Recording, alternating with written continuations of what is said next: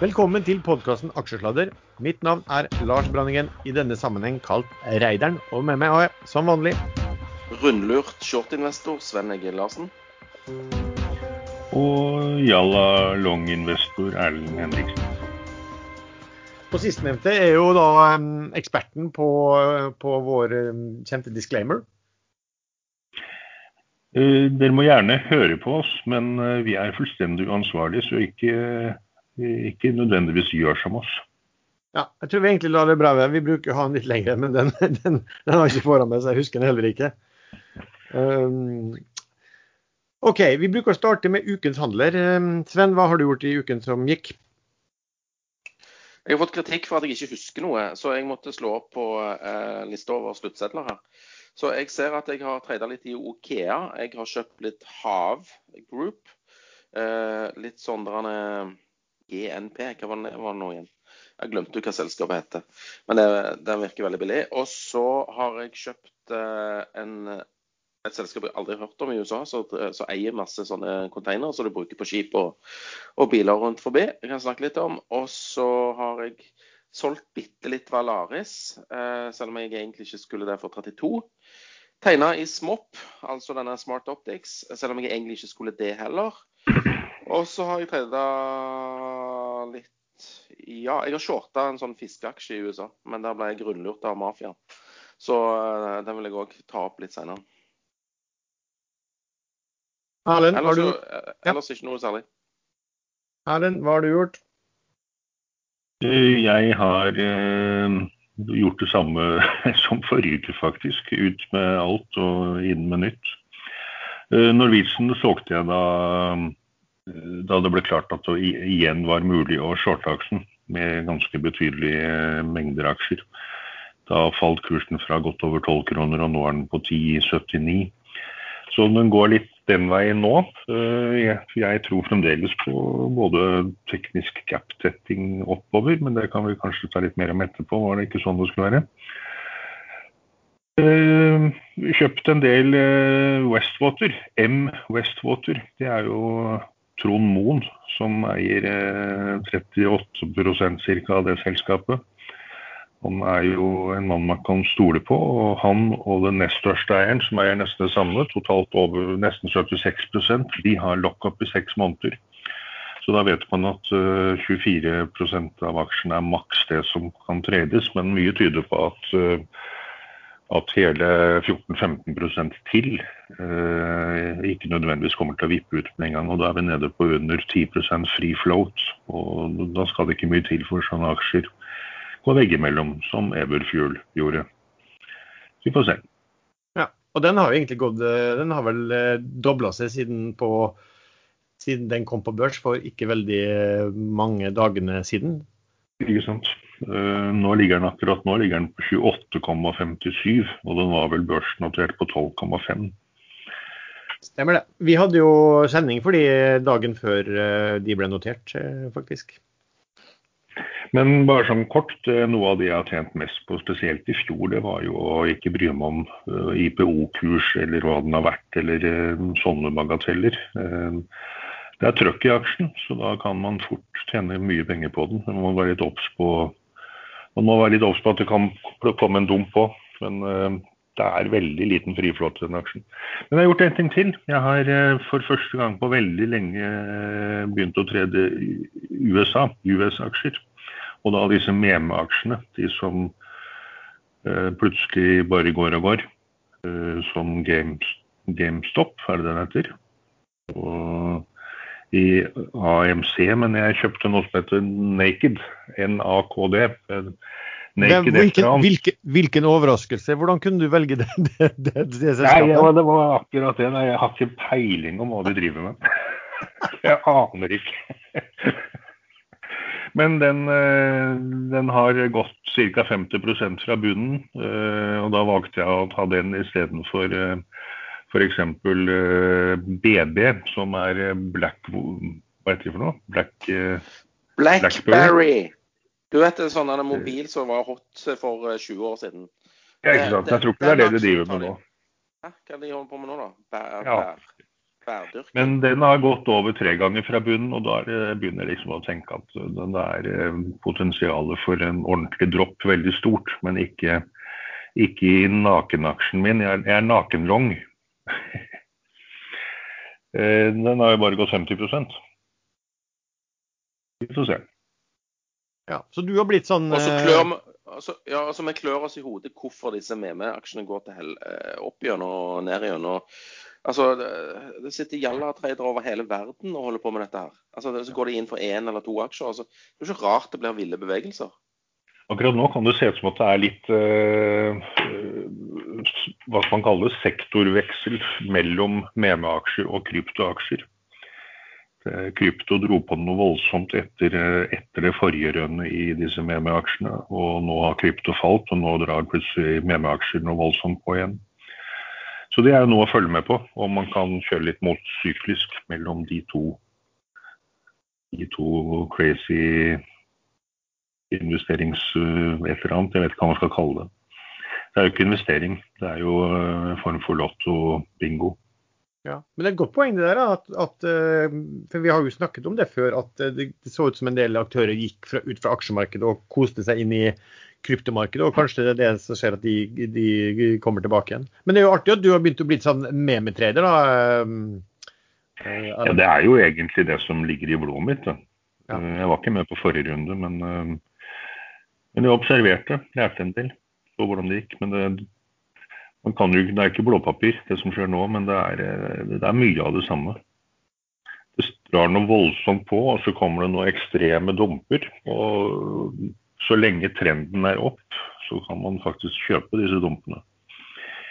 Det ender gjerne i en circuit break, eh, handelsstopp. Og når trenden er opp, så er det stort sett lønnsomt å kjøre når handelen stopper. Kjøpe da. Og En annen som skrev at han eh, venter til tre circuit break nedover. Da kjøper han, og så selger han på den tredje circuit breaken oppover. Og det kan godt være at det er en god taktikk. Um, ja, for min del så uh, har det vært veldig mye jobb i forbindelse med alt dette. Vi har jo hatt fire sendinger for børsnoterte selskap, så det har ikke vært så lett å holde seg veldig oppdatert. Men jeg snakket vel på forrige fredag om at jeg eide Norwegian, um, og den er da solgt i denne uken.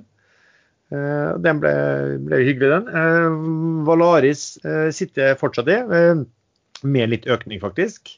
Har vært inne og treida litt Petronor i løpet av uken. Har eh, kjøpt litt eh, Play Magnus i løpet av uken, og også kjøpt eh, litt i, i dette eh, grønne salaturteselskapet som heter Calera børsen. Så det er litt eh, ja, mine, mine saker. Um, vi bruker jo da også å snakke om ukens eh, debutanter og ukens emisjoner. Og hva, Sven, du bruker jo oversikten på det. Ja, bruker å ha det, men jeg, jeg tror det kommer noe som heter Nordhelt eller et eller annet. Unnskyld. Eh, Beklager. Eh, på børs i går. Den hadde jeg ikke fått med meg i hele tatt. Eh, jeg var med i Smart Optics. Eh, ble overtalt av en megler i DNB der. Han samme som mobbet meg for denne her robotklipperen. Han klarte å overtale meg til å, å delta der, fordi at han sa at det er jo nesten ikke tradere med her, mente han. Han fikk i hvert fall inntrykk av at det var veldig få tradere med i denne appen. Så, så den fikk jeg ut i pluss, selv om han var litt sånn Jeg måtte jobbe litt for å få, få, få han ut i pluss, da. Men eh, jeg kjente vel nok til en eh, superfin eh, ny robotgressklipper. så får takke han DNB-duden for det, da. Uh, er det kommet noen andre, Lars? For jeg, jeg husker bare Nord, Nordhelt, eller hva faen det heter for noe. Jeg hadde ikke fått med den Nordhelt engang. Jeg vet ikke hvordan den utvikla seg. Eh, Smart Optics er vel opp en, ja, en halvannen prosent fra IPO-kursen. Ja, det var green shoe der, vet du. Så da, så da var det egentlig ganske Og hvis det er lite tradere med, så, så kommer du deg alltid ut i even, liksom. Eh, nei, det har vel ikke vært noe annet enn det. Men det har vært eh, noen emisjoner, har det jo vært, eh, Sven? Det var en emisjon i eh, Atlantic Sapphire i, i går, da. Og den var jeg faktisk med på. Uh, Tegna for en mill og fikk 500 aksjer. Ja. Så det var jo vi, den, kult. den, skal vi, den skal vi snakke om litt senere. Ja. Men er det ikke mye mafia i det rundt Miami og sånn? Er der New York-mafiaen drar når de skal på ferie. Kan være det. Jeg, Jeg, jeg mistenker det, altså. Men eh, ja, fordi at den ene den snakker vi snakker om. En annen stor emisjon er jo Cloudberry, eh, som vi også har snakket en del om i Akersladder. eh, Som ble vel satt på var det 12, var det 12,6 de henta en, en milliard på? I Jeg kan, jeg, jeg kan ikke det. Jeg syns det selskapet er kjedelig. Så jeg har ikke satt meg inn i De har sånn eh, vannkraft og noe greier. Eh, Vindkraft. Så. Men du, du har likt den lenge, har du ikke? Ja da, jeg syns den har vært eh, Den har, Den har vel stått på stedet hvil nå i et år? Nei, nei, nei overhodet ikke. Den, den, nei, da, den gikk veldig fint opp. Den, altså, jeg var med, en, var med i forrige emisjon på og Den var på 10,80. Eh, og så gikk den vel opp til eh, 17. Eh, og så har jeg hatt litt mindre nedover, da. Og så kom de med melding om at de skulle gjøre Altså at de skulle på at de skulle da på vanlig Oslo Børs, de flyr jo på, på Euronex Growth i dag. Eh, og at de kom til å hente ganske mye penger. Så da solgte jeg meg ut. Da, og da var vel kursen eh, på de siste jeg hadde, ble vel solgt ut på ett sted på 14-tallet. Og så henta de nå på eh, 12,50. Og kursen hadde jo sklidd litt, da. eh, Fordi at eh, akkurat flere tenker det samme, liksom at OK, her kommer det emisjon, da kan vi heller bli med. Eh, Men så var det jo sånn at eh, jeg tegna meg for ganske bra beløp i, den, eh, i den emisjonen. Eh, Men der var det jo store aktører som hadde tatt veldig mye av den, og de, måtte, de økte også størrelsen på emisjonen. da. Så jeg tror jeg fikk eh, jeg fikk for 3 tror jeg, av tegningen min fikk jeg eh, på den, på, på 12,50. Så den, ja, den mm, Det er penger der ute da, når du ser hva, hva, hva den type aktør kan hente i løpet av kort tid, som egentlig ikke har vært sånn veldig, eh, veldig populær og, og, og veldig likvid. Eh, Det, det er penger til den grønne. Og Den er jo på 1360 nå, så de som har vært med i vanlig emisjon og fikk mye, er jo nesten eh, ja, begynner å nærme seg 10 opp på, på emisjonskurs. Eh, har det ellers vært, ellers vært noen, eh, noen nedsalg eller pengehentinger? Ikke så jeg husker. Nei, jeg tror ikke det har vært Jeg tror ikke det har vært det. Altså. Um, men da kan vi jo, siden vi da touchet inn på denne, så kan vi jo snakke litt om da Atlantic Sapphire. Og vi har jo liksom, det er jo, det er en glede at du er i panelet i dag, Sven, som eh, jo er profilert på, var på, på toppen av en eh, hva det er 24 du var på toppen i eh, i morgentimen i dag. Så da kan du, kan du bare fortelle litt hva, hva, ja, hva, som, hva som har skjedd der, og hva du tenker om det. Nei, Atlantic Sapphire, for de som ikke vet hva det er, det er et eh, selskap som driver på med lakseoppdrett på land i, i Florida. uh, I Miami-området der. Uh, altså, uh, ikke nok med at de pumper opp grunnvannet, de pumper også opp aksjekursen i forkant av emisjoner. Så det er jo en fin ting. De har vært veldig flinke. De har klart å få opp kursen fra lavt 80-tall til rundt 100, og få satt en emisjon der som er grisemye overtegna. og der undertegnede eh, får eh, 0,5 eh, tildeling eller noe sånt sykt. Eh, jeg visste jo at de trengte penger, det har de sagt sjøl, for de har fucka det til med å massedød på noe fisk og noe greier. og De sliter med å få det til. Men nå er jo sjefen i dette selskapet òg største aksjonær, så han er jo opptatt av eh, høy aksjekurs, vil jeg tro. Som eh, de fleste ledere bør være eh, opptatt av. Eller egentlig bør de være opptatt av å drive selskapet sitt på en god måte, sånn at aksjekursen tar vare på seg sjøl. Sånn at folk slipper å pumpe den opp før de skal hente penger. Men nok om det, og mer enn noe annet. Jeg satte en short der på closen i går på 98,60. eh, Og hadde gjort det et par ganger tidligere, for å vedda på at i dag kommer emisjon, og i dag kommer emisjon. Jeg Bomma to ganger, traff på tredje. Tenkte yes, dette ble jackpot. Og så har jo de der tullingene fått med seg Bank of America, da, som ikke har fulgt aksjen tidligere eller hatt dekning. Eh, Og de publiserer et notat som sier kjøp eh, denne skal i 200. eh, Og har sikkert pusha dette på sine gode eller dårlige kunder. Eh, I tillegg så sender DNB eh, megler ut eh, SMS Vi henter penger for eh, Atlantic Sapphire. Eh, eh, og eh, Eh, vi har for øvrig buy og target 170.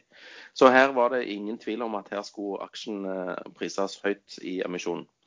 Så da ble jeg litt sur, eh, og så tweeta jeg en, eller sendte jeg en, en Twitter-melding på dette her. Pump up the jam hashtag. Eh, og så ble han plukka opp av E24, og så uttalte jeg meg litt surt der. Men jeg må få lov å rose ledelsen i selskapet for å ha satt en uh, emisjon på et veldig høyt nivå. Godt jobba. Ja, jeg er ikke sur eller noe. Nei. Og du var litt, du var litt irritert? Bare bitte litt irritert. Altså, her tenker du riktig. Altså, Normale folk som driver business, ja, vi har fucka det til, vi må hente penger, du skal få rabatt. Hvis du mm. har lyst til å støtte oss i, i vår, eh, på vår vei mot å, å bli et ledende lakseoppdrettsselskap på land. Uh, ja, selvfølgelig, her er penger. Jeg bare regner de mot de jeg allerede har solgt, liksom. Så jeg var, jeg var klar for å bidra med mine uh, hardt oppsparte midler. Men det, men det, du sier her, er jo for det tenker jeg også lyttere altså jeg, jeg, ser jo rundt omkring på folk på sosiale medier at man er veldig opptatt av at man har hatt rett og man har hatt feil når sånne, sånne ting har gått. Av og til så kan du jo faktisk ha ganske så mye rett i det du gjør i en aksje. Eh, det, bare, det, bare, det bare blir feil, eh, hvis du skjønner hva jeg mener. Og av og til så kan du faktisk tenke feil, men det blir rett i forhold til kursen din. Ja, det, det, motsatte skjedde jo i Hynion. Der trodde jeg jo på smerte. Der ble det bare masse glede. Eh, og her òg. Jeg trodde nå at eh, Normalt sett så skulle jeg tjent penger på den traden i går. Men fordi at eh, noen har vært flinkere enn andre i samme situasjon, så, så endte jeg opp med et lite tap. Mm. For, for um, Atlantic Sapphire de kom med litt dårlige nyheter rundt uh, utviklingen av selskapet. Altså, de, de lå jo rundt ja, 150. Du har jo vært over 150 i, eh, i februar, til sent som i mars og sånn. Så lå de, de lå rundt 140, så datt de ned mot 120-tallet ut i april. Og så var det bang ned mot 80-tallet, eh, og så har det da steget fra 80 til, eh, til nesten 100 da, på ikke sånn veldig lang tid. Før de satte en emisjon. Men dette er jo ikke første gang det skjer, og vi pleier å skrive på Excel-investor eh, når vi ser at en kurs i et selskap som vi antar trenger penger, når kursen plutselig begynner å stige, så, så er vi ganske samstemte om at her kommer snart emisjonen. Det har jo skjedd i Kuful, og det skjedde jo til, til ja, Nell var vel ikke emisjon, det var bare pumping. Det var, hva var det de kalte det kursmålet? Konseptanalyse. Ja, Men nå er kursen i Atlantic Sapphire under emisjonskurs, så boja, right back at you. Men hva skjedde mens kursen gikk opp? Hva slags type meldinger kom det da? Uh, innsidekjøp, eller? eller det, kom noen, det kom noen innsidekjøp, ja. Så det satte jo retningen. Som hadde en god størrelse, eller var det bare sånn utskremt, ja. utskremt innsidekjøp? Nei, det var litt størrelse på det. Jeg husker jo også, jeg så jo også vel, Det var jo også Cloudberry som ble satt en imponerende emisjon, men der ble jo også kursen eh, vippet opp husker jeg, helt på slutten av dagen. Den dagen de meldte at de skulle hente dette, her, så, så, eh, ble, så gikk kursen liksom opp en 3-4% helt, helt de siste minuttene på dagen.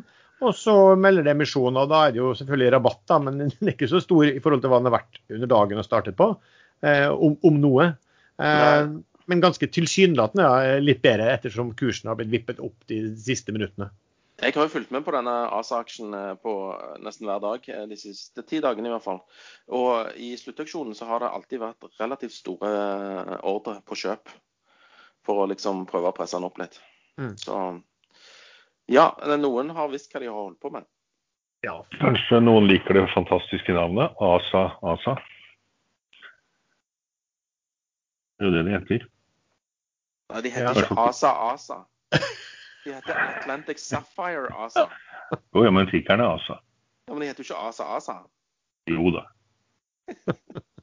ja, hvis du vil at de skal hete det, så skal de få lov til å hete det. Ja. Men eh, ja, Atlantic Sapphire, vi hadde jo en episode hvor vi faktisk hadde det med i tittelen også, om det var ras blant disse rasaksjene. Så det er også en av de som har vært på Eh, som de skal drive oppdrett eh, på land, eh, og som har, en, som har, falt kraftig i en periode. og Den har da altså kommet tilbake en del. og Jeg ser også at det har de andre også gjort nå. altså Proximar og der NOAP har jo også eh, steget pent eh, den helt siste perioden. Jeg hadde jo en, en, si, en, mening om fisk på land her for en del episoder siden. Og det, det, det fastholder jeg. Fisk, ikke, fisk eh, som lever, skal ikke være på land, de skal være i vann. Så eh, vi får se om de får det til. Er, ja, det, det, er tydeligvis utfordringer med teknologien. Ja. Jeg så en, Det var vel Ilaks som hadde en artikkel fra en kar som, en, en, en, som var ja, jeg tror han var fra England eller noe, men som jobbet nå i, i Norge innenfor, innenfor, et selskap som skulle satse på dette, her, og som hadde veldig veldig stor tro på at det her virkelig var, var framtiden. Så, så, vi får se. Det er vel en del utfordringer. Det sa han også, at det var en del utfordringer og ting man måtte følge veldig veldig spesielt nøye med, da, men at det også var, var fordeler med dette her. De får det jo til på sikt, ellers så kan vi bare glemme romfart og interplanetariske reiser hvis ikke vi klarer å lage lukkede økosystemer som funker. Så det, det, er mange som forsker på å lage akvarier i litt større målestokk. Ja, ja, til slutt får de det til. Det, det, det er ingen tvil om. Men eh, det er en del som skal feile først. Det er nok det. Spørsmålet også blir kost, og så blir hvilken kostnad kommer man ned på, altså produksjonskostnad, og hvor fort går det. Og det er så, men eh, nei, altså, det, det, For øvrig kan jeg si at det, vi bruker jo å ha det litt morsomt da inne på chatten på um, Ekstrainvestor, der alle er hjertelig velkommen både til å lese og, og være medlem for øvrig. Men der bruker du jo nesten hver dag da, i uken når vi nevner med oss helt slutten på dagen, så bruker du å komme noen kommentarer på hvem tror vi blir dagens contemplated. Altså hvem kommer til å melde med en gang etter halv fem at de har til hensikt å hente penger i markedet. Så Det kan jo være morsomt. og Sven, du har jo, du har jo spådd eh, en periode at i dag, i dag kommer ASA. Det, det, det skrev du jo nå eh, på helt riktig dag også. Ja, av og til så treffer jeg eller blinde høns eller whatever det uttrykket heter. Erlend kan sikkert ta og forklare hva det betyr. Eh, men eh, nå mista jeg litt hva jeg skulle si. Fordi, jeg kan jo Jeg tenkte jeg skulle være snill og ikke nevne at når du sier det hver dag, så vil du få rett plutselig. Ja, ja. Jeg har jo sagt det et par ganger tidligere. Men jeg traff på en annen en gang òg. Eh, nå kommer den, og den traff jeg jo Det var første gang. Og det var, det var litt flaks. Men eh, jo, det, det, er litt sånn regler for dette her. Eh, ja. Det kommer aldri eh, contemplated på fredagsettermiddager. Det er liksom kutyme blant meglerstanden i hovedstaden at da skal man være på hytten eller eh, på ja, en eller annen plass som ikke har med pengeinnhenting å gjøre. Eh, og sjelden òg på mandager. Så tirsdager, onsdager og torsdager er de vanligste dagene for disse contemplatene. Ja, stemmer det. Hva, men, hva, og, men hva, hvilke meldinger er det som kommer på fredag og ettermiddager? Det er sånne gladmeldinger som helst vil, eh, som bør gjemmes bort. Om at uh, ting har gått til helvete og sånn. Ja. Det, det, kommer ofte 23.58. Ja, et, etter klokken 23 på fredager. Da er det viktig å, å sjekke, sjekke Newsweb hvis du er i stand til det. Ja, ikke sant. Fordi at uh, Mange leser Newsweb. Der, der, kommer alle meldingene fra børsnoterte selskap. og Når du går inn der, så ser du de meldingene som ligger den dagen. Uh, hvis ikke så må du begynne å søke tilbake på dag. Så du får se den som ligger da siste dagen. og Hvis du da melder en bad news 23.55, så ligger den uh, oppe der fem minutter. Og når klokken vipper midnatt, så må man, må man lete for å finne den meldingen for si det sånn. Men eh, for oss som bare har to til fem aksjer, så er ikke dette noe veldig problem. For hvis du søker på selskapet, så får du opp alle meldingene. Ja da, men, men, eh, selv om du ikke har de aksjene, det er jo alltid interessant å se på um, å få med seg de, de, For det kan jo gi muligheter det på når mandagen kommer. Men du, um, Sven og Erlend. Um, det tror jeg folk er litt sånn opptatt av også. Atlantic Sapphire de henta altså en milliard på hva var det, 98,60. Sven, du fikk, hvor mange prosent tildeling fikk du? Nå, nå, nå, nå, jeg fikk 500 aksjer. Det skulle der tilsi sånn eh, 98 Det blir 44 45 000. Eh, nei, det blir mer enn det. Ja, 500 aksjer av 98. Ja. Under, under 50 000 i kroner. Ja. Det, og jeg tegna for en million, så da var det 5% da, på tildelingen. Ikke sant. Men, men når, det, når, det, er så mange som vil kjøpe den på 98,60, hvorfor faller da kursen eh, under det i dag? For nå er den jo på 98 i, eh, mens vi snakker. Vi ser jo det. Vi vet jo hvorfor, men jeg, jeg tør jo ikke si det. Ja, men Jo da. du kan jo spekulere. Eh, jeg ist en Pump und Dump. Nå sa jeg det på utenlandsk, sånn at folk ikke forstår. Det bunner vel litt ut i at eh, de som eh, får i hyggelige emisjoner, eh, blir sånn halvpresset til å ta i emisjoner de kanskje egentlig ikke vil ta i. Og derfor blir også disse overtegnet.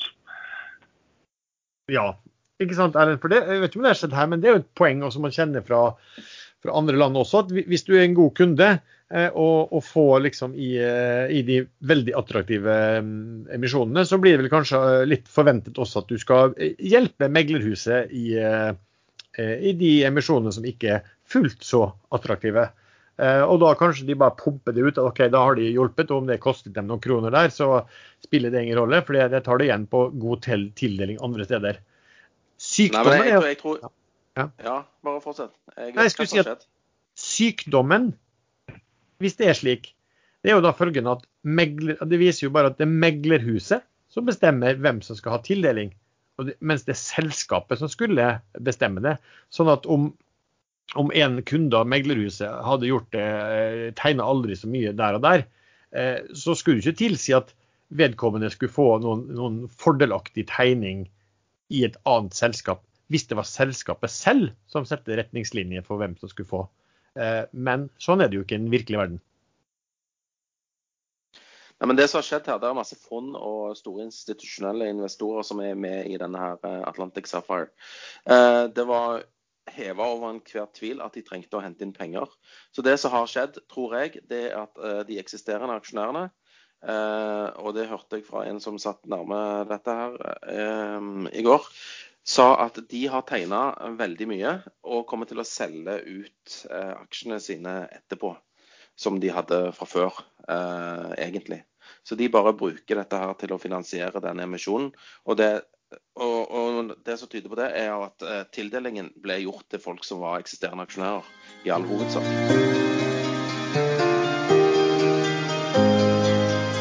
Denne episoden er sponset av CMC Markets. Som vanlig har vi med oss sjefen Henrik Sommerfeld til å fortelle oss litt om tjenestene deres. Takk, Lars.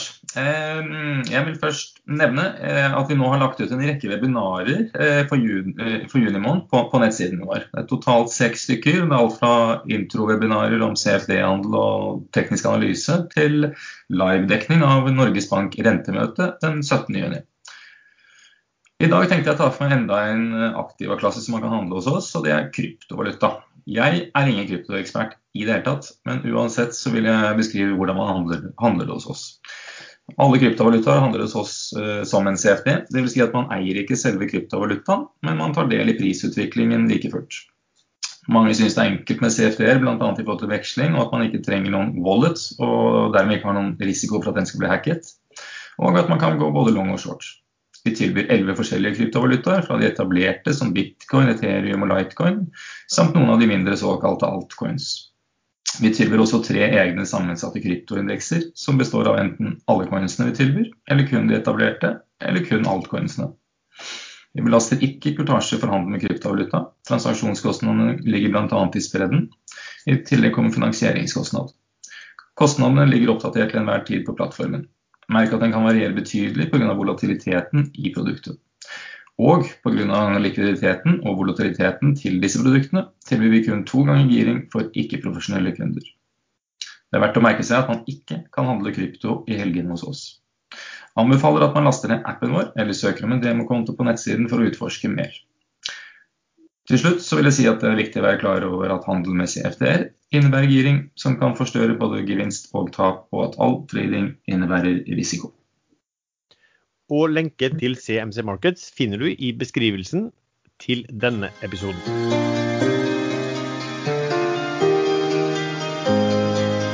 Skal vi ta en liten annen sak eh, når vi nå snakker om emisjoner. Sist gang så snakket vi vel om hva var vel sist gang vi snakket om CM Offshore, som hadde gjort en stor restrukturering.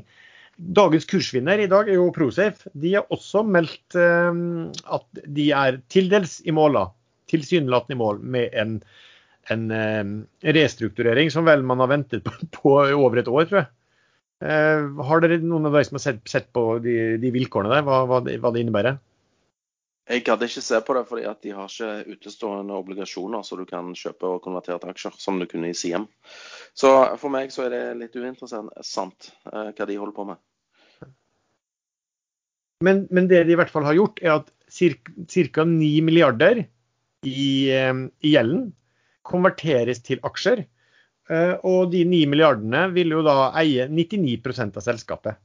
Det vil si at dagens aksjonærer Eh, skal sitte igjen med verdier da på, eh, på, på noen og 90 millioner, rett og slett. Um, og men, men, det kan, ja, men, det kan, være at dette er en bra aksje eh, etter restrukturering. fordi at um, jeg var med i en restrukturering i denne Flotel, som er en konkurrent. Og, og de har begynt å melde om kontrakter uh, innen boligrigg. Så det er kanskje håp i enden av uh, Prosafe-tunnelen òg.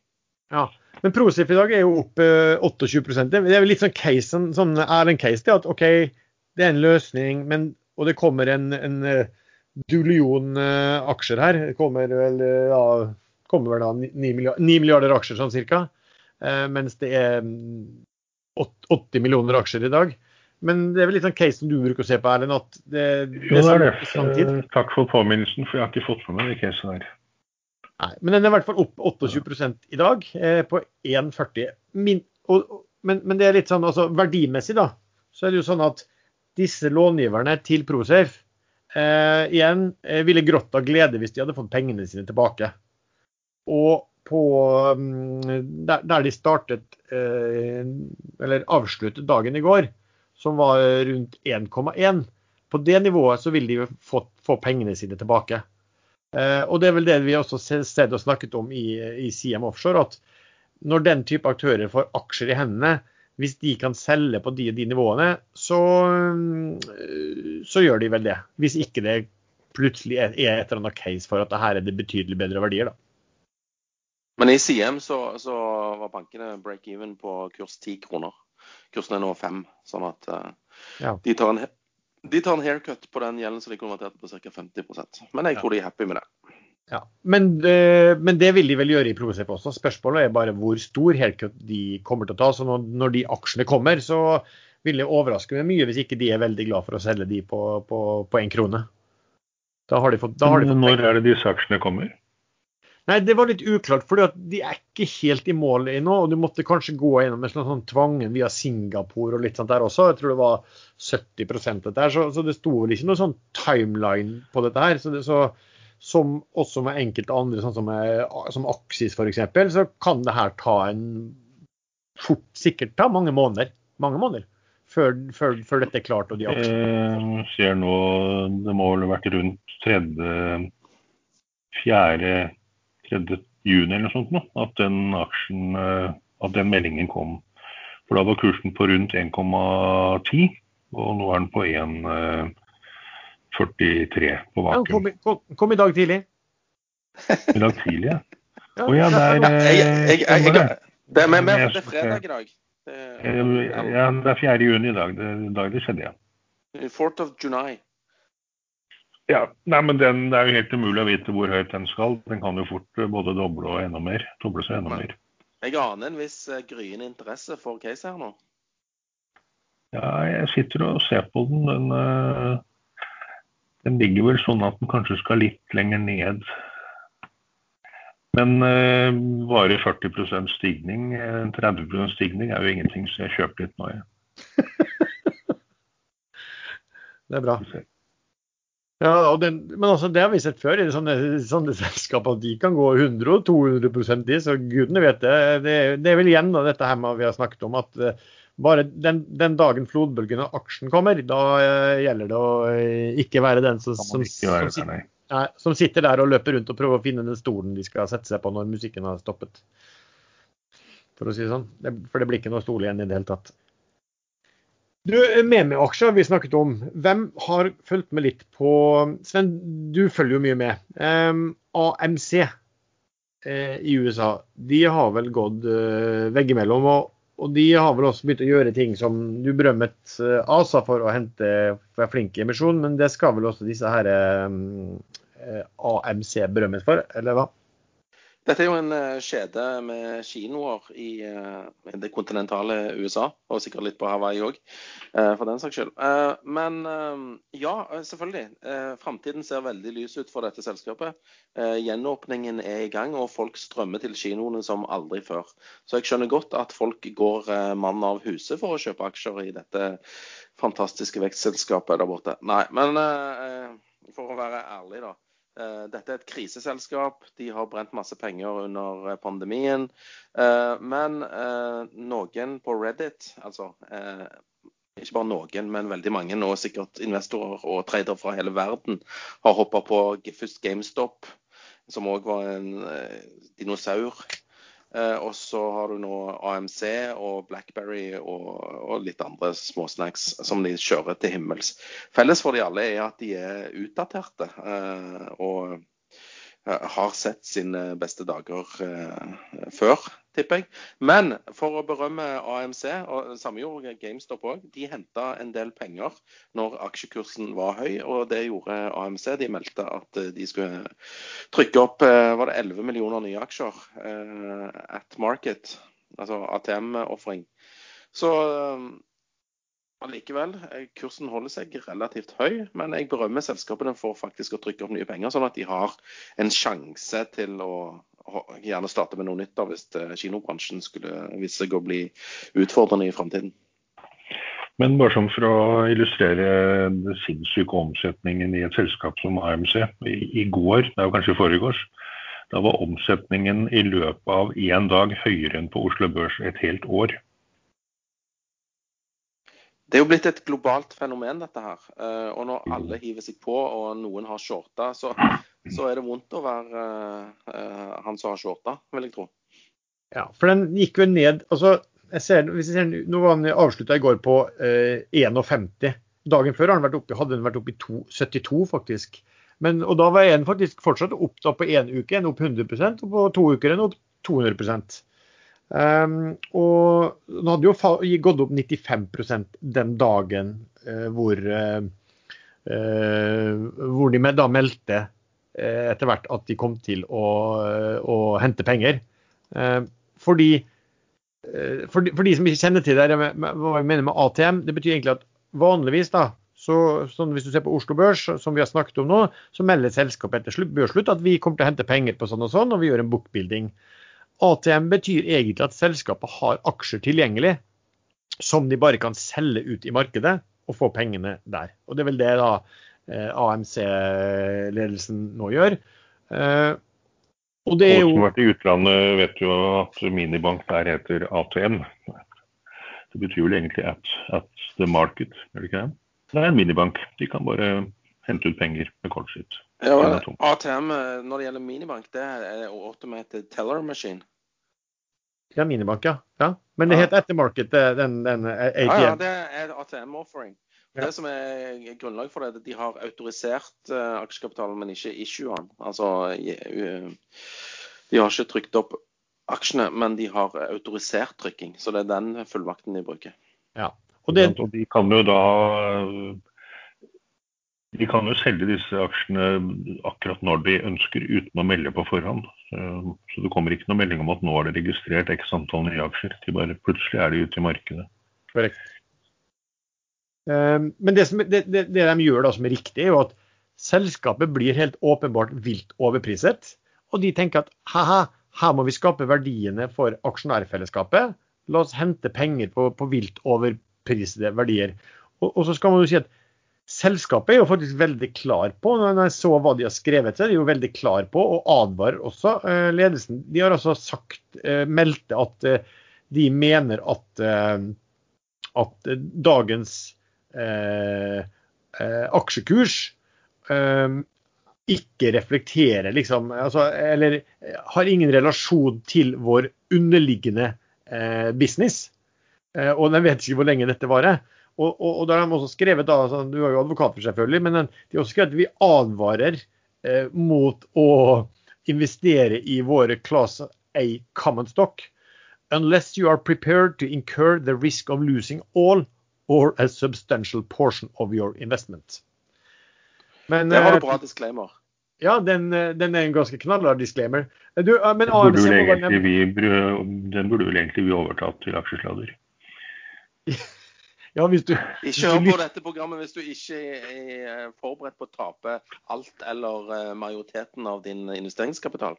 Takk skal du ha, Sven. Da har vi tatt disclaimeren endelig. Er home free med nå.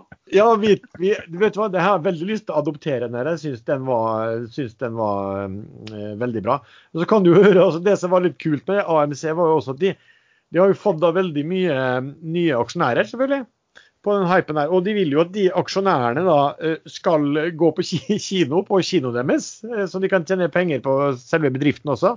Så de, de kom med en eller annen sånn pakke mot, eh, der, der, man kunne tegne seg og legge en e-mail for, for, å få liksom ekstra innsyn i selskapet, eller, eller få, liksom ekstra rask meldinger og sånn.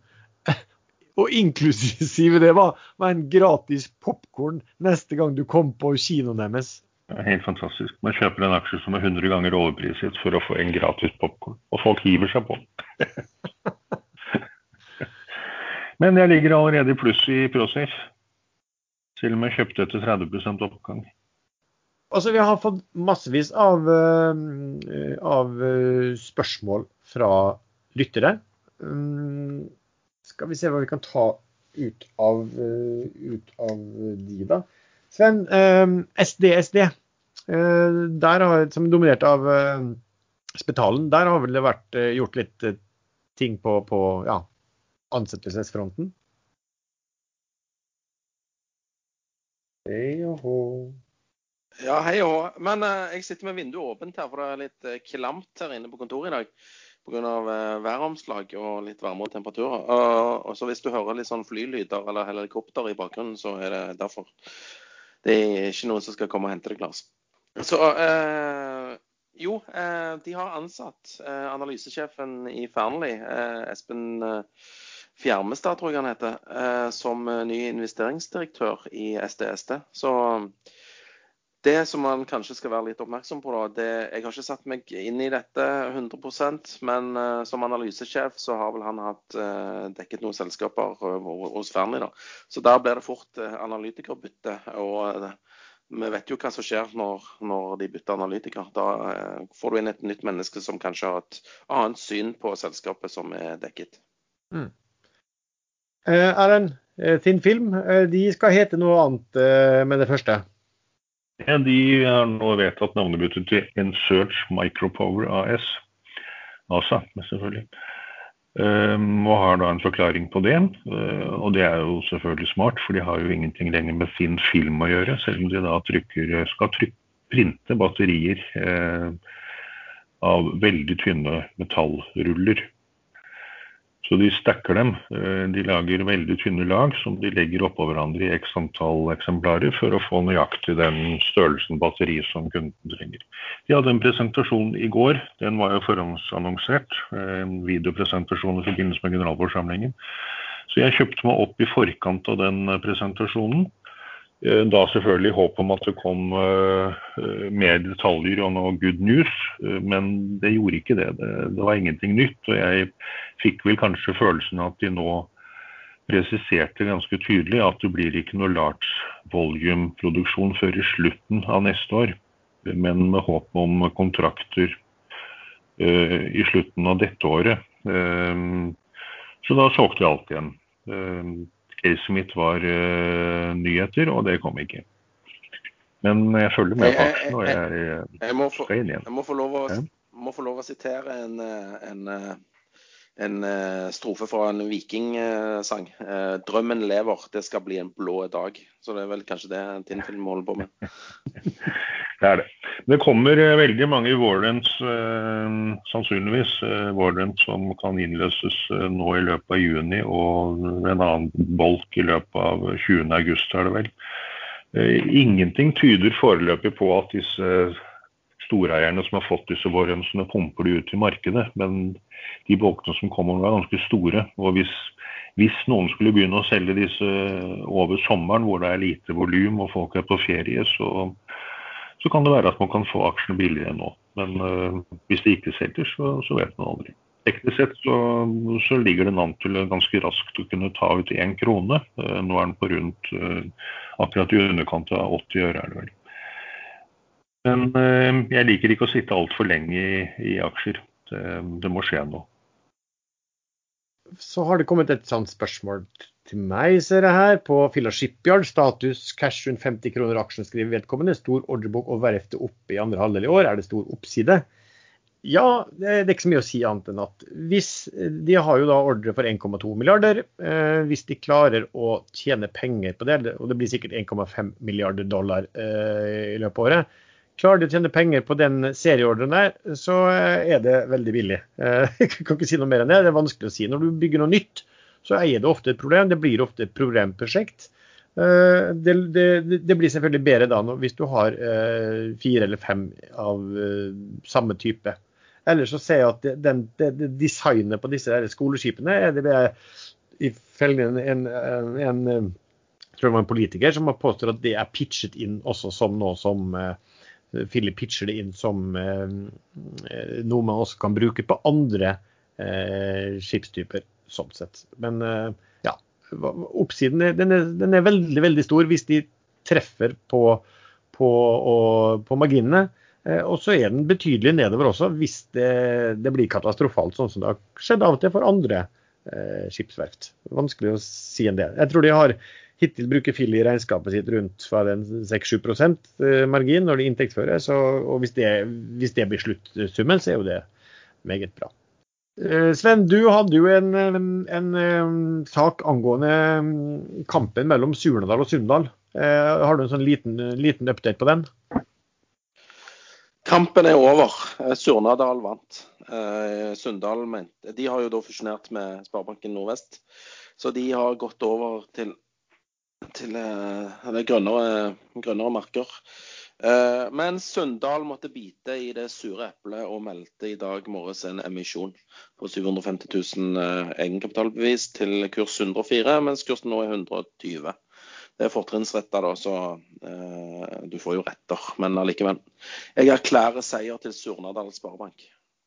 Jeg vet ikke om dere fikk med dere det, men det var en litt morsom kommentar. Altså, vi, vi, snakket vel om, Det gjorde vi også forrige gang, om, eh, om det var dette her eh, internasjonale IEA, altså International Energy Agency, heter det vel, eller hva det heter, som hadde skrevet en rapport om hva som skulle til for hvis, eh, hvis man skulle nå disse klimamålene innen 2050. Som jo da var betydelig nedgang for oljebransjen. Og så så jeg han eh, OPEC eh, var generalsekretæren, han, han, han, kommenterte bare rapporten som, som, som, om den var i la-la-land. Um, som vil ikke tyde på at de, de syntes den var veldig in interessant. Han var vel saudi-araber også, så det må de kanskje si. Jo, jo, men uh, Rystad fulgte jo opp med ikke helt ulik rapport. Men de mente at man kommer ikke i mål med å ikke åpne nye brønner. Uh, rundt 1000 nye felt til fram til 2030, eh, vel. Å, eller 2050 var det kanskje. For å dekke etterspørselen. Eh, men de mente allikevel at man kunne nå klimamålet på 1,5 grader ved å åpne 1000 nye felt. Så det er noe i det, for eh, hver gang det åpnes nytt, i hvert fall i vår del av verden, så, så, de, så slippes det ut mindre og mindre fra disse feltene norske felt er jo de som slipper ut minst i hele verden eh, av CO2. Vi er flinke til å hente inn når vi har elektrisifisert. Så kan man ta en helt annen diskusjon på kostnader rundt det. Eh, men de som mener at man må stenge ned norsk oljeproduksjon i dag, de må være klar over at oljeetterspørselen forsvinner jo ikke. Og stenger vi ned, så må man hente olje fra andre steder som, som har vesentlig mer forurensning ved både produksjon og frakt og alt Norge er.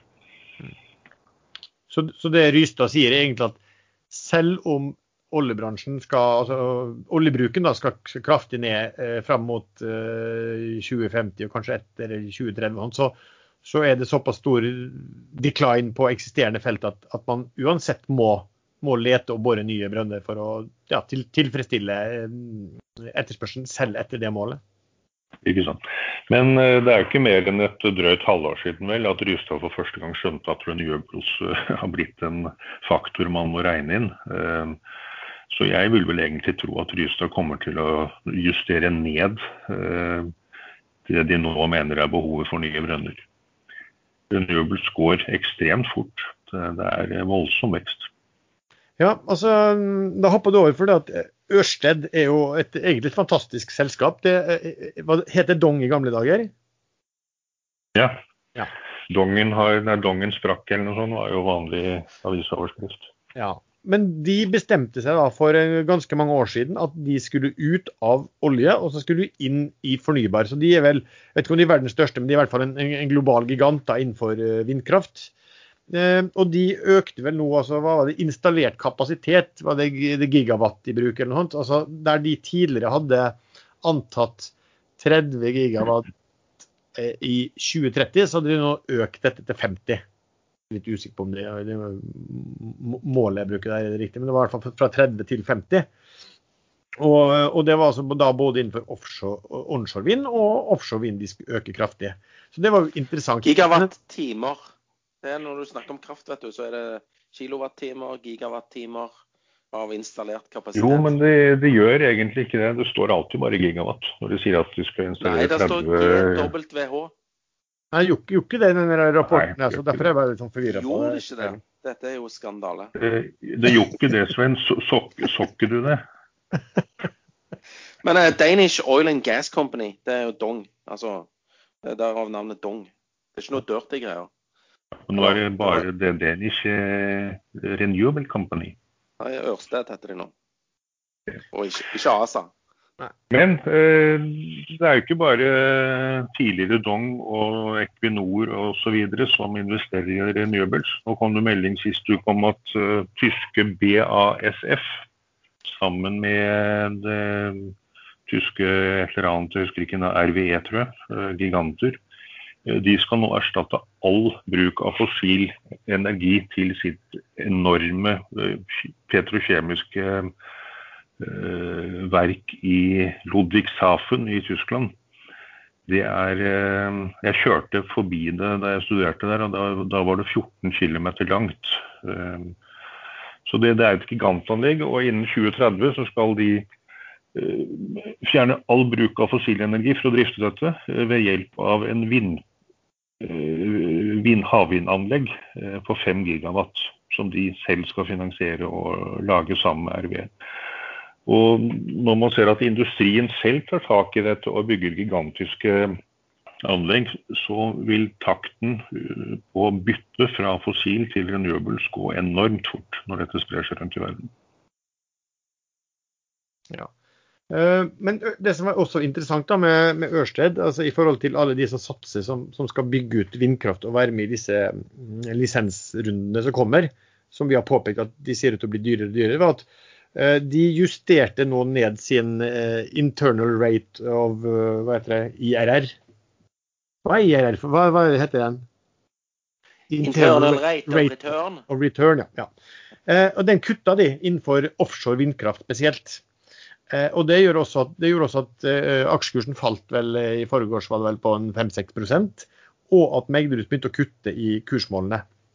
Og Det kan være en, altså det bør være en, et par ting å lese ut ifra når de har sånn kapitalmarkedsdag og gjør det der. Det ene er at de ser at konkurransen eh, på nye prosjekt, at det blir dyrere å få lisenser.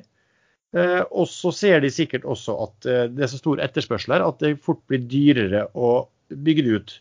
Eh, det som jeg syns kanskje er gode nyheter for, for, en del aktører innenfor vindkraft, er jo at de skal øke fra 30 til 50. Det, det, det, tyder jo på gode dager for si, leverandørindustrien, i hvert fall, selv om det vil være pris, prispress på å få tak i lisenser. Jeg var inne og sjekka på Ørsted sine sider, og du har helt rett. De har bare GW. Takk. Du hadde lyst at, du hadde lyst, det var viktig for deg å poengtere. Ja, du hadde, du hadde lyst til å arrestere meg nå? Ikke like mye som Økokrem har. Nei, det, så, det er sannsynligvis Det kjenner jo du, så. Du, eh, ja, andre spørsmål, da. Eh, Sven, eh, som tror kom til begge oss to. altså Hva, hva tror vi da om eh, Valaris eh, riggselskap i USA videre? Jeg tror vi er ved begynnelsen av en fantastisk reise. Det er alt jeg har å si. Ja. Til 32? Jeg, eh, jeg går av perrongen på 32. Stasjon 32. Ja. Men, men, du hadde solgt litt i løpet av uka, du, eller? Ja, han steg for fort. Jeg liker ikke når ting stiger for fort. Jeg, liker sånn rolig oppover når jeg eier aksjer. For jeg blir frista til å selge når det stiger sånn 28 og sånn. Da er jeg jo nesten på 32 i hodet mitt. Og, og da faller jeg for fristelser. Så nå håper jeg jo men, egentlig eh, Eller jeg vet ikke hva jeg håper på, men han skal opp. Jeg tror ikke, jeg tror ikke vi kan være uenige om det. Nei, for den lå vel på eh, jeg må fortelle det. Fortsett du, Erlend. Ja, jeg bare kommenterte, Du tok jo da M Westwater i emisjonen på 12,50 og solgte på 13-tallet. Eh, men der kunne du holdt til 32, for nå er du da på 28 pluss-minus. Har vært på 29,60. Så der, der, der, kunne du solgt på 31, Sven. Du må lære deg dette her. Jeg skjønner at du har måttet kjempe deg opp gjennom harde kår, Erlend. Men frekkhetens nådegave har du beholdt.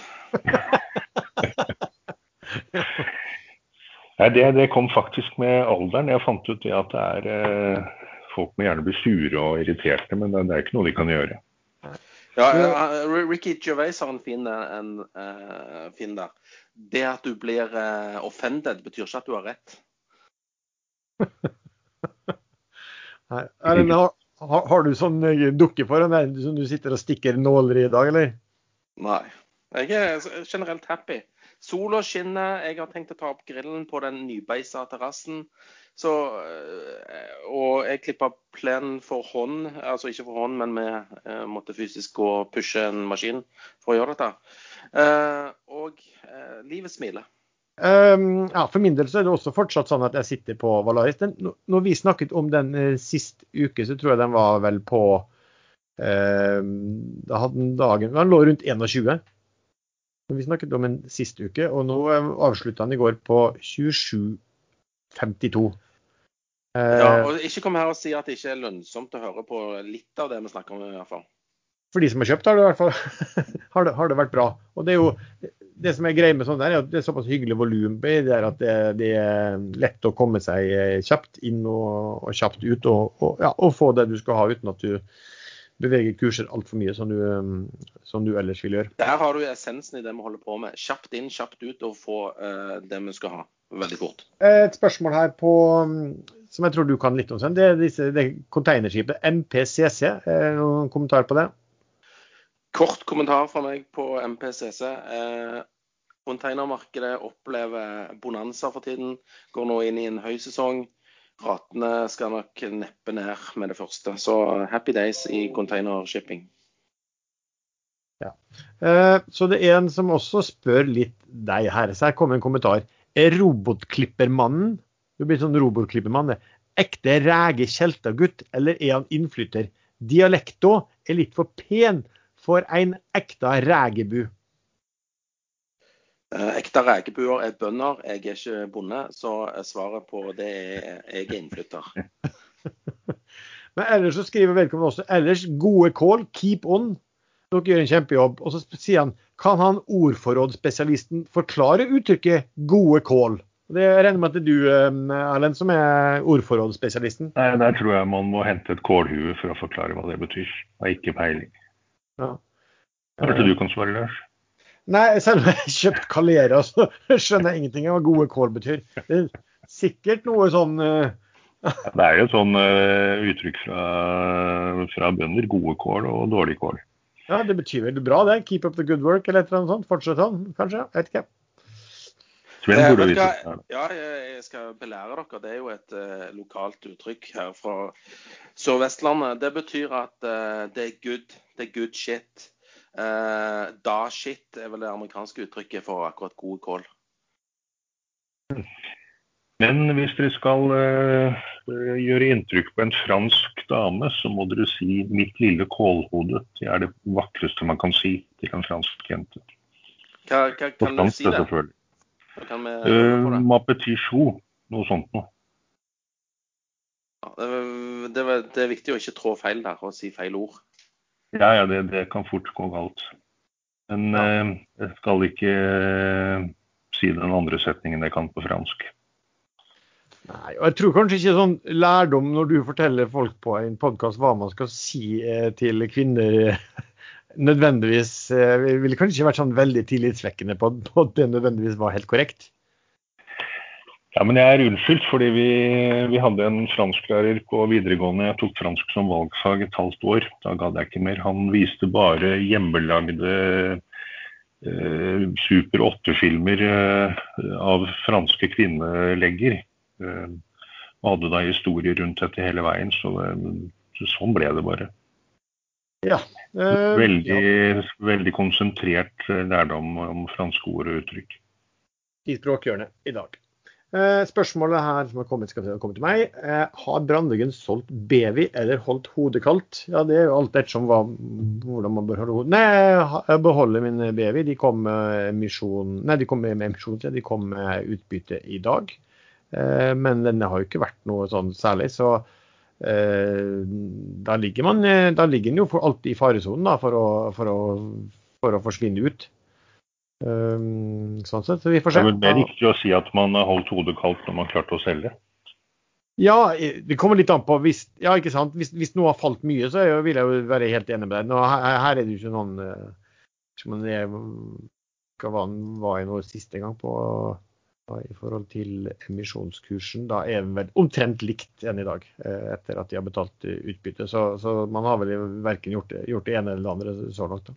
Er det noe annet, er dere har lyst til å snakke om eh, før vi skal kaste oss over og begynne å prate litt mer om eh, ukens eh, favoritter? Egentlig ikke. Da kan vi starte med det. Sven, hva har du noen favoritt for uken som kommer? Valaris er fortsatt en favoritt. Så den håper jeg tikker og går videre.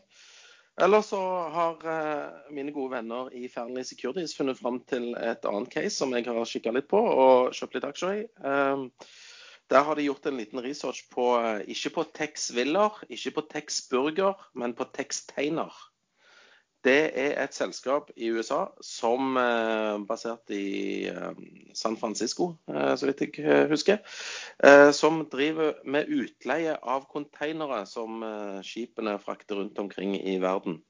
Eh, Og prisen på disse konteinerne og ratene de får ved utleie av konteinerne, har jo på lik linje med konteinerratene til eh, havs skutt i været. Sånn at eh, bare stålverdien av, av en container har steget, har jo nesten dobla seg. Så det er jo en fantastisk opplegg. Litt uoppdaga. Eh, Fearnley mener at fair value altså han burde vært prisa på rundt 60 dollar. Han ligger nå på 33. Har kjøpt litt i går på 33-tallet. Og får se om de får rett denne gangen òg. De har vært flinke til å finne litt sånn rare shipping-relaterte case som bare stikker.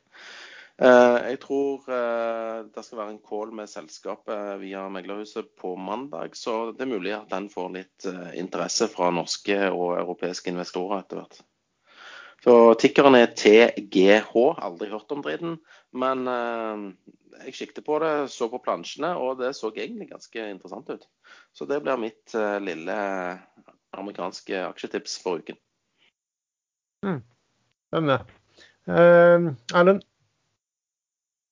Ja, og jeg, jeg må bare eh, Jeg holdt på å glemme å si at eh, de har inngått masse nye, lange kontrakter på veldig mye høyere rater eh, enn de hadde tidligere. Og Da snakker vi sånn åtte til ti års kontrakter for utleie av container. Så eh, jeg tror inntjeningen der framover kommer til å bli veldig bra. Sånn, da var jeg ferdig. Good. Ja, Norwegian er jo et selskap jeg følger med på, eh, sammen med Flyr og Bråtens Flyr og Norse. Eh, Akkurat nå har jeg ingen av dem. Eh, Norse Atlantic er jo da hvor, hvor Kjos gikk tungt inn, men han gikk jo også inn i Norwegian. Og, Og flyr eh, Bråten, der er det jo bl.a. Usrun tenker mer Color Line. Men eh, jeg var ikke klar over at Bråten står jo bak det svenske selskapet Bra, som før korona hadde 30% av markedet og 1100 ansatte. Så disse gutta vet hva de driver med. Um, så jeg kommer til å veksle litt mellom de tre aksjene.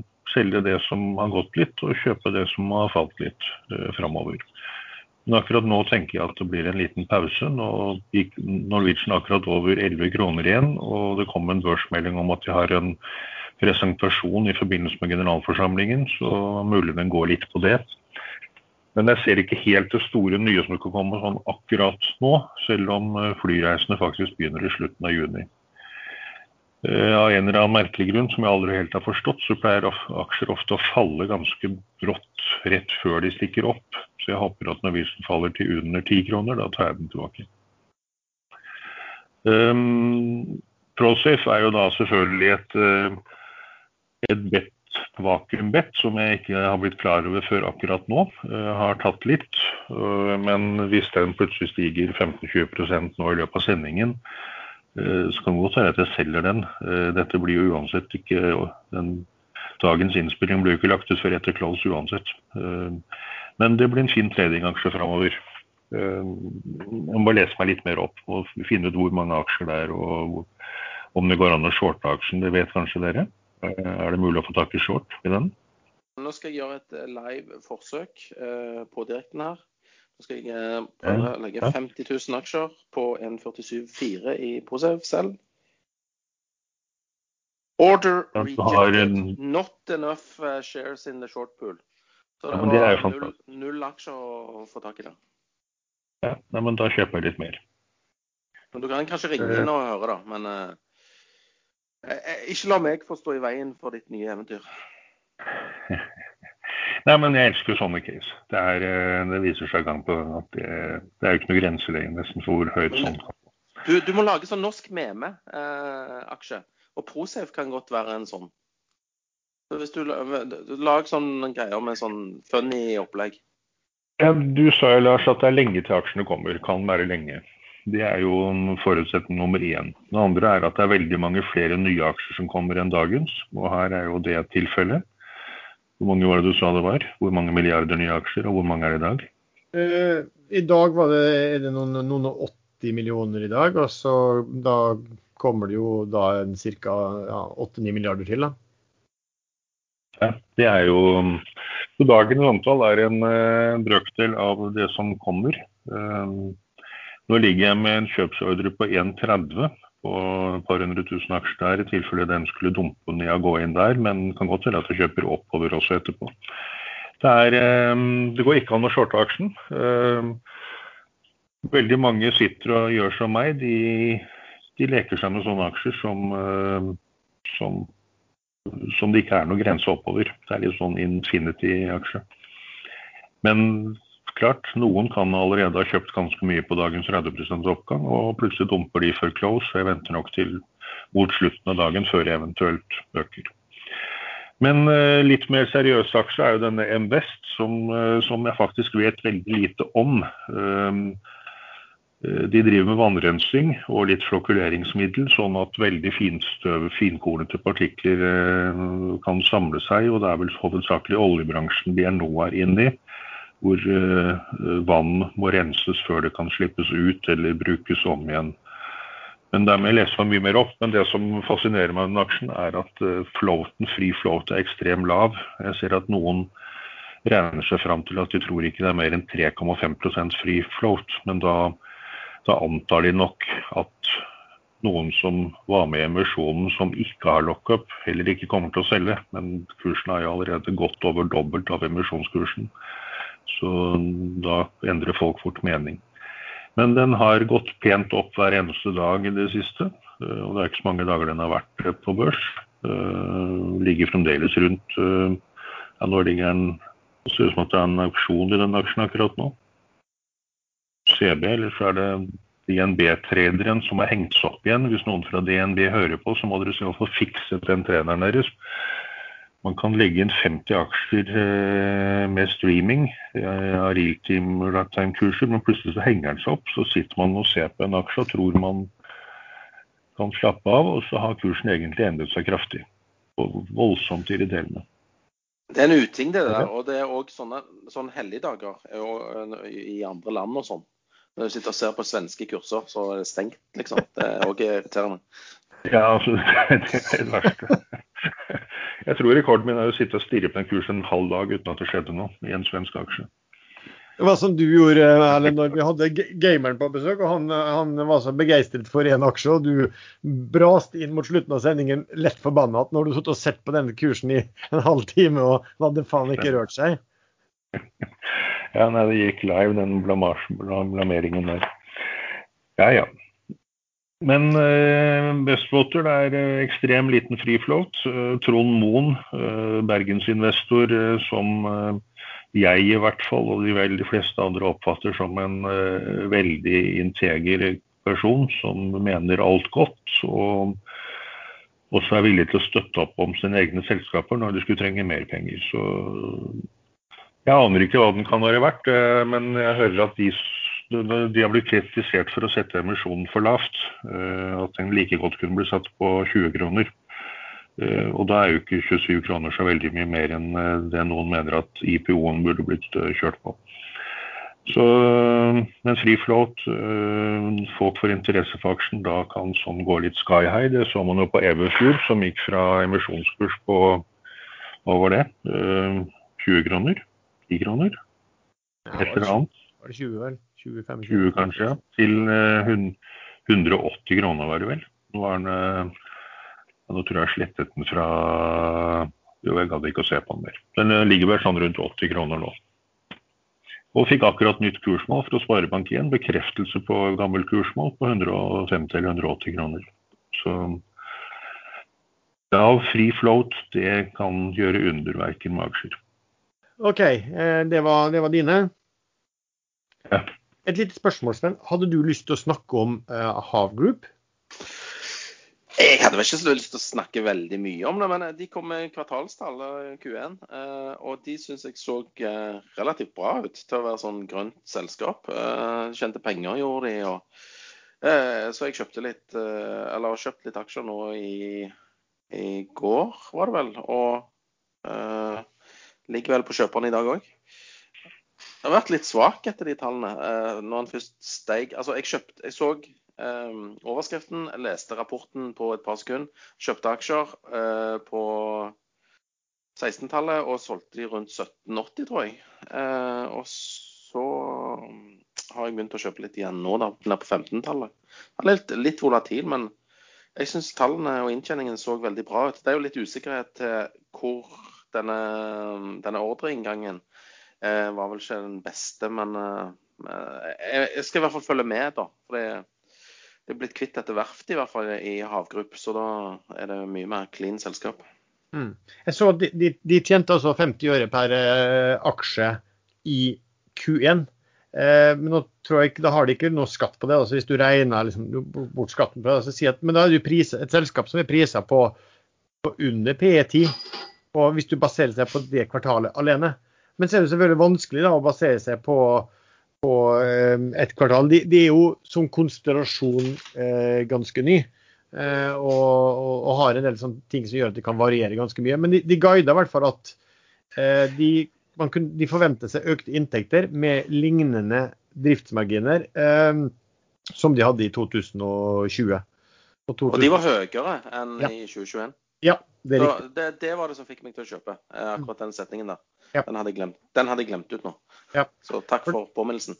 Ja, um, for den er bra. Og det kom også et innsidekjøp, uh, innsidekjøp uh, der også. Men likevel driver folk og dumper aksjene. Nå fikk jeg akkurat noen på 15,25. Folk vil bare ut. De vet ikke hva de har kjøpt. Ja, sånn er det av og til. Men, så det er bedre å bare kjøpe noe du ikke vet hva er. For det, det blir mer sånn, sånn surprise trading, da, på en måte. OK, um, skal vi se Min... Har du noen favoritter uh, denne uken, uh, Lars? Ja, jeg sa jo jeg, Hva sa du? Sånn den lissepasningen. Ja, den, den, den, den, klarer, den klarer du ikke å rote bort. Den, denne klarer du å sette i mål. Gudene vet. Uh, det kan, kan, vel fort rotes bort. Nå, nå, har som jeg sa, vært litt for dårlig å få fulgt med, men no, noen ting vil jeg følge med på fortsatt. Og så uh, Valaris er i fint uh, sig. Og det kommer fortsatt ulike meglerhus som fremhever at de er vesentlig billigere enn andre. Og da lider fort, fortsatt av at de har hva skal vi si, en del ufrivillige um, aksjonærer, men som kanskje har da begynt, som selger kanskje da, i mye roligere tempo enn hva man kanskje, kanskje de gjorde i slutten, og begynner å se at her er verdier. Uh, Calera har jeg kjøpt også. Ingen anelse hva det er verdt. Det er jo sånn grønn produksjon av salarte urter. Uh, de sammenligner seg jo med en del amerikanske selskap som har gått veldig eh, godt på børsen, altså App Harvest f.eks. Og Eh, det er vel gjort også noen emisjoner til noen svært høye verdier der på, eh, på konkurrenter. Eh, og Calera har vel også sagt at de skal på børs i USA. Så der kan det jo komme en, en hyggelig overraskelse på det. Så kommer jeg til å følge med på noen aksjer som jeg kanskje kjøper i dag, eller kanskje kjøper i uken som kommer. og En av de er en som jeg nylig har solgt. Det er jo, det er jo Norwegian. Jeg ser litt på den aksjonærlisten. Det er jo ikke sånn ellevilt trading lenger, men samtidig, det ser vel egentlig bare ut for meg akkurat nå som om det bare, nesten bare er DNB-fond av de som fikk emisjonen, som er, holder på å selge på de, ehm, de nivåene nå. Så, så, plutselig kommer det et eller annet. Jeg tror de holder på også nå, akkurat nå med en Så det kom opp en melding her, så jeg lurer på om de holder på med en uh, generalforsamling Eh, i dag. Sånn sett. Der jeg ser at han finansdirektøren sier at uh, ja, hvis man ser på nettogjeld til selskapet, uh, så, så de står de meget sterkt opp mot konkurrentene. Uh, nettogjeld utgjør kun 23% av markedcapen de hadde på børs ved utgangen av mai, sier Karlsen. Det kan være at det får litt ja, får litt oppslag i avisen også på den der. Men akkurat den heller ingen anelse hva den kan være verdt. Uh, ja. Ellers så skal, skal, jeg se på en del selskaper hvor det har vært noe innsidekjøp i løpet av uken. Så jeg får prøve å se på det i løpet av helgen. Og om man da syns det er et godt, godt nok tegn til å kjøpe, det vil tiden, ja, tiden vise. Så det var egentlig ja, litt kort om hva jeg har og ser på eh, kommende uke. OK. Eh, ja, det er, det er, veldig varmt. Her jeg sitter er det veldig varmt også, så det kan jo bli godt å bli ferdig. Men er det noe, herrene har lyst til å tillegge før vi eh, tar eh, helg? Ja, nå er det like før jeg får uh, Filly Frosef. Kursen har droppa fra 1,47 til 1,3520. Uh, så da får jeg snart fill. Atlantic Sapphire er på 96,90 Sven nå, ned 1,7 eh, Sven, så det syns du vel er hyggelig å ha med deg inn i helgen? Karma heter det. Og med det så tenker jeg vi avslutter eh, dagens episode. Da takker jeg så mye for dere som eh, lytter. Eh, dere kan følge oss inne på chatten på Ekstrainvestor. Uh, vi har også egen gruppe på Facebook som er vel snart 5000 medlemmer stor, som heter podkasten eh, Aksjesladder. Um, musikken er laget av sjazz.com. Takk igjen for at du lyttet, og vi høres.